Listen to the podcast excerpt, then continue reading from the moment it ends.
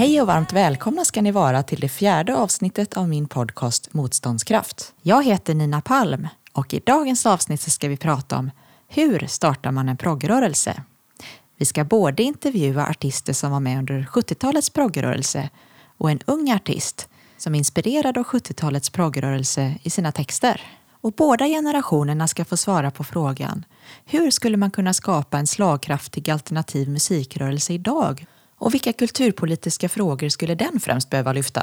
Med oss på linjen har vi nu först Jan Hammarlund. Jan, vad tror du möjliggjorde 70-talets progrörelse?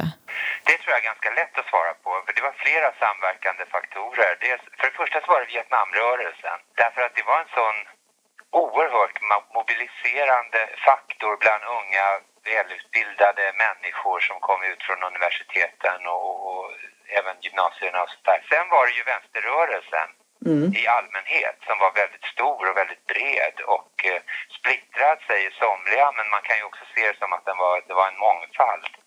Ja, just det. Och sen var det den kulturradikala hippierörelsen, icke att förglömma, den var jätteviktig. Därför att det, det, sådana grupper som Trädgräs och Stenar, som för övrigt tror jag var de första som spelade in vad man skulle kunna kalla en proggplatta, mm. var ju närm, absolut inte någon liksom politruker på något sätt, utan Nej. det var ju långhåriga hippies, sympatiska människor. Och sen var det ju sist men inte minst 1974 års kulturpolitik som klubbades i riksdagen. Mm. Och som faktiskt, om man går tillbaka till strax efter kriget så kan man se hur dåvarande partiet kommunisterna lade fram eh, ett förslag som naturligtvis röstades ner på precis mer eller mindre den generösa kulturpolitik som, som senare då togs 1974 i riksdagen okay. och som ledde till att det betalades ut stöd till en väldig massa olika små föreningar och organisationer var, det var ju bokkaféer och allt möjligt, men det var ju också rena musikställen. Så jag kommer ihåg det att jag åkte runt och sjöng väldigt mycket på sådana här ställen och man fick 500 kronor eller ja. sånt där i gage. Men det var ju, för det första var det betydligt mycket mer pengar på den tiden än vad det skulle vara nu. Och för det andra så var det, man kunde ändå leva på att uh, hålla på med det här. Mm. Så det var de fyra mm. faktorer som jag kan skönja. Mm. Vad är ditt intryck av musikbranschen idag? Ja, den är dubbel. Å ena sidan så genom internet och sociala medier så har man ju direkt tillgång till marknaden på något sätt utan att det ska sitta några eh, trista skivbolagsdirektörer och bestämma vad, som, vad folk ska få höra och inte höra. Och det är ju en fantastisk, en revolution. Mm. Om man har direkt kontakt med sina följare, ord som jag föredrar framför fans, Eh, å, andra sidan, å andra sidan så kan man ju se en iskall exploatering av unga talanger som är, är, är fruktansvärd. Jag menar det, det som hände Avicii till exempel ja. tror jag närmast... Ja, det hade kunnat hända på 70-talet på grund av drogernas utbredning möjligtvis. Men inte på grund av en sån sanslös exploatering av en musiker som, som tydligen var fallet i det här. Mm. Upplever du att det finns en alternativ musikrörelse idag och upplever du i så fall att den får komma fram? Ja, det finns absolut. Men den är inte enad på det sätt som den var på 70-talet. Den är väldigt spridd. Vi har olika genrer, vi har hiphop, vi har... In, alltså var, dessutom så ska jag säga en stor musikalisk skillnad mellan 70-talets musikrörelse och dagens. Det är att då var alltså rockmusiken vansinnigt do, eh, dominerande på ett helt annat sätt allting bedömdes liksom efter de normerna som, som rockjournalistiken eh, handlade om. Ja. Och det, det tycker jag är jätteskönt att det har försvunnit. Så att jag måste säga det, apropå också det här med vispubliken, att den, den här utbildningen, det, det är ändå uppåt 400 personer som har gått bara Visskolan i Kungälv tror jag och, och en hel del som har gått den andra. Eh, det har skapat inte bara en, vissångare och visdiktare som har hittat den maximala eh, nivån av sin begåvning. Utan det har också skapat en vispublik, mm. tror jag. Ja. Till stor del. Det, det är många faktorer som inverkar. Men nu, nu sitter de alltså och lyssnar andäktigt eh, eller skrattar om det är en rolig låt eller ja, du vet sådär, om, ja. när man sjunger. Och det var inte så himla vanligt på 70-talet faktiskt. Nej, okej. Okay. Så att, eh, och det, ja, det har till och med skapat de här utbildningarna har till och med skapat en del arrangörer. Vilka kulturpolitiska frågor tycker du att en alternativ musikrörelse idag främst behöver lyfta? Det måste ju finnas små och stora spelställen, scener, lokaler. Ja. Det är ju ändå blodet i det hela. Hur tror du då att man kan lyfta de här kulturpolitiska frågorna idag så att det får bäst genomslagskraft? Man måste ju få de politiska partierna att fatta hur viktigt det är. Men det parti som är mest medvetet om kulturens betydelse är tyvärr SD. Och deras kulturpolitik vill vi ju inte ha. Sen kan man ju se tillbaka och se att redan 1930 i Tyskland så var det en nazist som fick ta plats i regeringen och bli minister för folkbildning och började raskt censurera och förbjuda böcker och filmer och konstverk. Det finns ju en bok av Ingemar Karlsson och Arne Rut mm. som kom ut för många år sedan som heter Samhället som teater. Mm. Och hela syftet med den här boken som kom 1983 det är att visa hur, alltså det, de berättar helt enkelt om nazisternas oerhört omfattande kulturpolitiska satsningar och, och styrning av hela kulturlivet i, Tyskland. Det var en bra artikel i Fönstret för, ja, kan det vara ett halvår sedan eller något sånt där.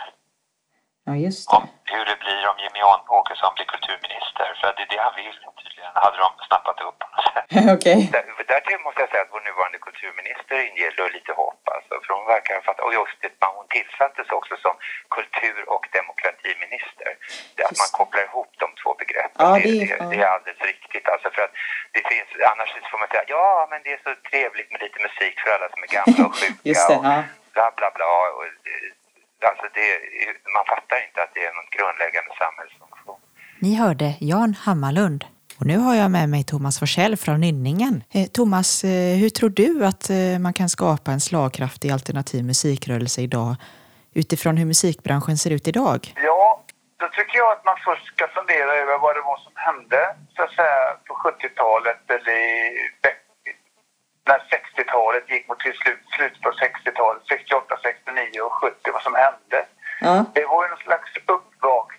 Rio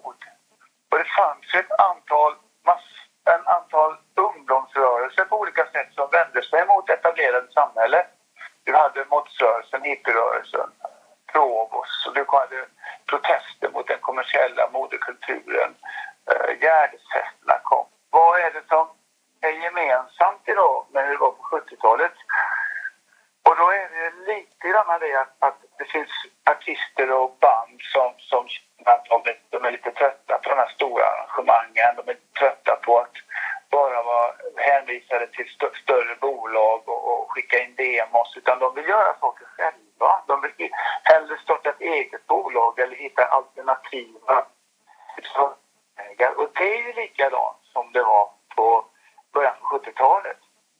Ja, just det. Uh, och nu, nu finns det ju uh, många, även större artister som, som bestämmer sig för nej, jag, jag, vill ha ett eget bolag där jag kan, uh, jag tror Robin till och med har startat ett eget bolag och det finns också mindre independentbolag som är på musikernas sida och det påminner väldigt mycket om det som var på 70-talet. Men jag tror att det är viktigt att man skapar samarbeten. Att man skapar samarbeten både liksom lokalt, så eh, man, att man i Göteborg samarbetar, att man i Karlstad hittar samarbetsmöjligheter, att man, hittar, man kan bygga lokala mötesplatser, kaféer, spelställen. Att man, möter, att man hittar samarbetsformer över gränserna också, generationsgränserna. Vi i Nynningen har ju till exempel gjort en hel del turnésamarbete med ganska nytt Göteborgsband som heter Orkan. Ja. Vi har turnerat tillsammans och vi har spelat på olika festivaler och, och vi kommer även göra det i sommar, spela tillsammans. Och det där är ju skitviktigt. Dels för oss att vi då lär känna Orkan och deras musik och att deras lyssnare också lär känna våran musik. Så jag tror att bygga, bygga samarbeten över generationsgränserna tror jag är jätteviktigt. Mm. Ja, just och det var väl kanske det som skedde på 70-talet också. För där var det gammal som ung möttes i, i, i den alternativa musikrörelsen. Jag tror också mm. viktigt att man funderar på vilka frågor det är man tycker är viktiga och hålla på med. Eh, det, är också kring en frågeställning man kan samlas. Men det är en annan sak som jag funderar på. Det är ju det här att det finns alltid eldsjälar. Och då eh, har jag en känsla av att, att vi har byråkrater och eh, kommunpolitiker och kulturnämnder de måste inse att det lönar sig att lämna över medel till eldsjälar. Eldsjälar, ja. Jag skulle vilja uppmana alla kulturpolitiker att, att inte vara rädda för unga människor som har idéer. För det är liksom... De har så mycket att vinna på att bara lämna över möjligheter. Mm. Jag ser många exempel, bland här i Kalmar och kommuner här omkring. Man satsar pengar på olika fina kulturhus som vi kommunal regi. Men det är inga som går dit va? Nej. Du vet liksom varenda risklubb i det här landet får pengar. Varenda, varenda liksom fotbollsförening får pengar för sin verksamhet. Man, man, man kommer du och, och har en idé om att det ska vara ett musikställe så, så blir, då blir de ju skiträdda. Vi tackar Thomas Forsell så mycket. Och nu ska vi snart prata med en ung artist om de här frågorna. En ung artist som är inspirerad av 70-talets proggrörelse i sina texter. Men först en låt om kulturen som försvann från stan.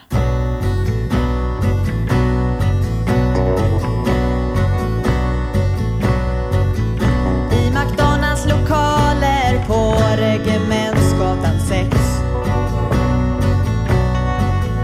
De som inrett som på vilket Donkenhag som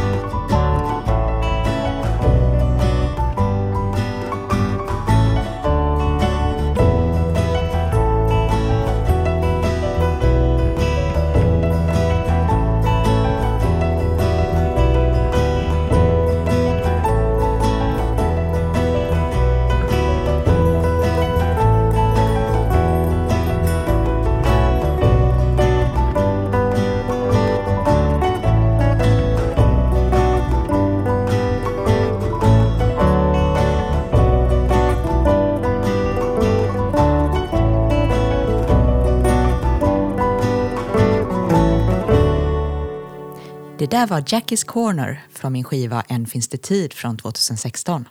Och nu har jag med mig Helle här på tråden. Helle är en visartist född på 90-talet som skriver politiska texter. Helle, känner du dig inspirerad av 70-talets progrörelse och på vilket sätt i så fall? Ja, men det, det känner jag absolut att jag är. Dels så älskar jag den eh, musikaliska biten.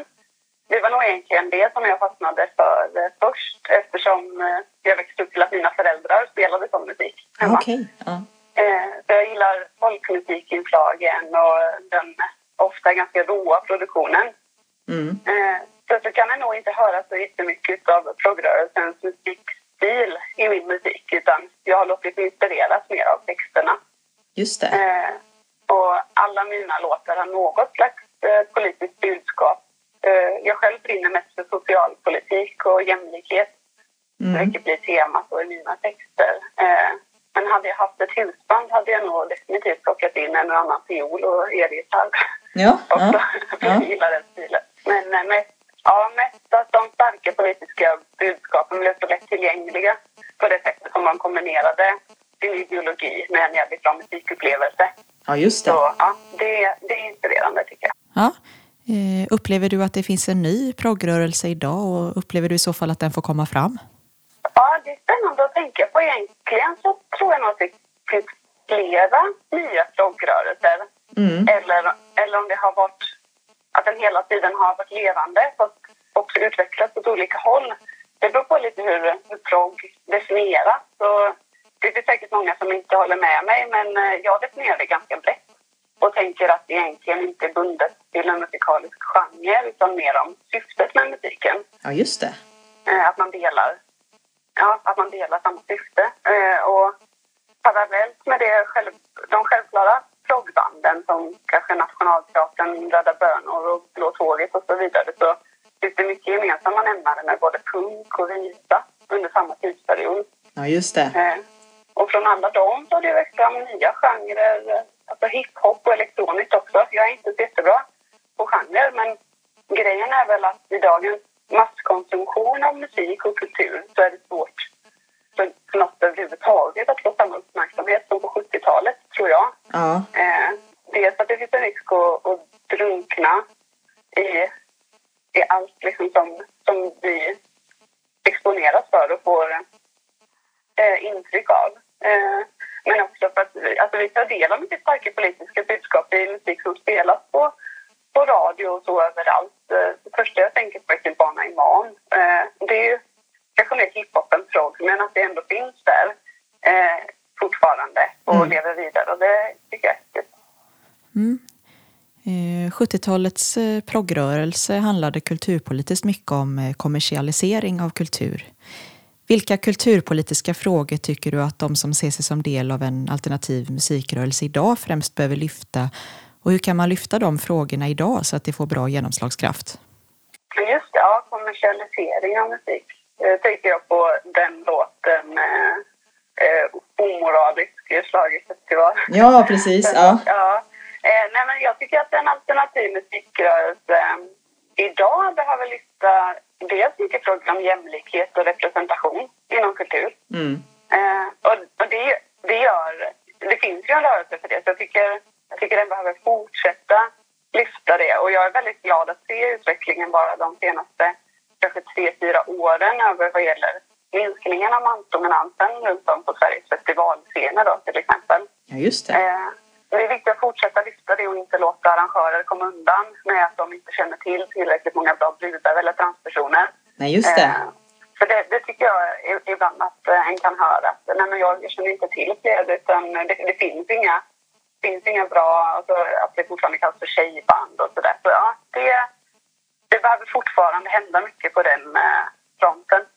Just Eh, sen kulturpolitiskt också så, så tycker jag att det behöver lyftas arbetssituationen för musiker eh, som inte tillhör eliten. Nej, just det. Eh, det är inte så jättelätt att försörja sig som musiker och jag tror att många känner igen sig i att ha fått frågan vad jobbar du med på riktigt? Ja. Eh, och nu är inte jag musiker på heltid utan jag har ju då ett riktigt jobb också så jag blir inte lika påverkad som andra eh, av att inte erbjudas rimligt gage eller att behöva nöja sig med pastasallad och resersättning. Ja. Eh, det finns det där. Men vad gäller det med, med, med jämlikhet eh, inom musikscenen också. Jag, jag tycker också jag ser runt om i mitt eget nätverk av musiker känslan av, jag tror att det är många som tipsar och rekommenderar varandra för att den ska bli ännu bättre. Ja, just det. Eh, men det ligger ju också mycket hos arrangörerna, eh, som sagt, att utmana eh, mansdominansen. Det hade varit häftigt om eh, en arrangör hade lite liknande ansvar som en arbetsgivare. Ja, att, precis. eh, att se till att det är jämlikt på arbetsplatsen och en alternativ musikrörelse kan också ställa krav på arrangörer att vi spelar bara om festivalen är 50-50 Ja, just det. Ja. till exempel. Det hade varit häftigt om, om det blev... eh, Ja, alla måste hjälpas åt liksom för att det ska hända något. ja, just det. Och där kommer vi in lite på det här med hur man ska lyfta de här frågorna så att det får bäst genomslagskraft. Ja, men jag tänker, om någonting ska få ordentlig genomslagskraft tänker i opinionsbildningen eller i den allmänna debatten så behöver, behöver vi göra någonting som folk reagerar på eller som, ja, något som inte riktigt har gjorts förut för att det inte ska drunkna i masskonsumtion av intryck och åsikter. Ett bra exempel är ju metoo-kampanjen eh, Mm. för att jämföra med ett annat eh, område där, där det har hänt jättemycket för att eh, det är så många som har gått ihop och gjort någonting nytt. Så jag vet inte riktigt hur, men jag tycker att ett första steg ta sig ur sin åsiktskorridor. Ja. Eh, för det är också risken. Jag känner ofta att jag spelar för de redan frälsta, vilket jag älskar Ja. att göra. Men det vore fett om en sverigedemokrat satt och grät en liten skvätt över min låt om Ja. skeva kroppsideal. Ja, precis. Ja, Eh, visst. Ja, så ja, det gäller att eh, försöka komma ifrån det här. Så när, när vi hänger mycket på Facebook och på sociala medier, de forumen är skapade också för att vi ska fastna i åsiktskorridorerna. Ja. Eh, så jag blir kanske bara del av eh, kultur eller budskap som jag redan gillar eller som mina vänner gillar. Vi hörde Helle, visartist med politiska texter. Motståndskraft är slut för den här gången. Nästa vecka, då kommer det handla om varför kulturfrågor är viktiga för demokratin. Och eftersom nästa avsnitt även är den här poddseriens sista så kommer det även att innehålla en överraskning. Så det får ni inte missa. Tack för att ni har lyssnat.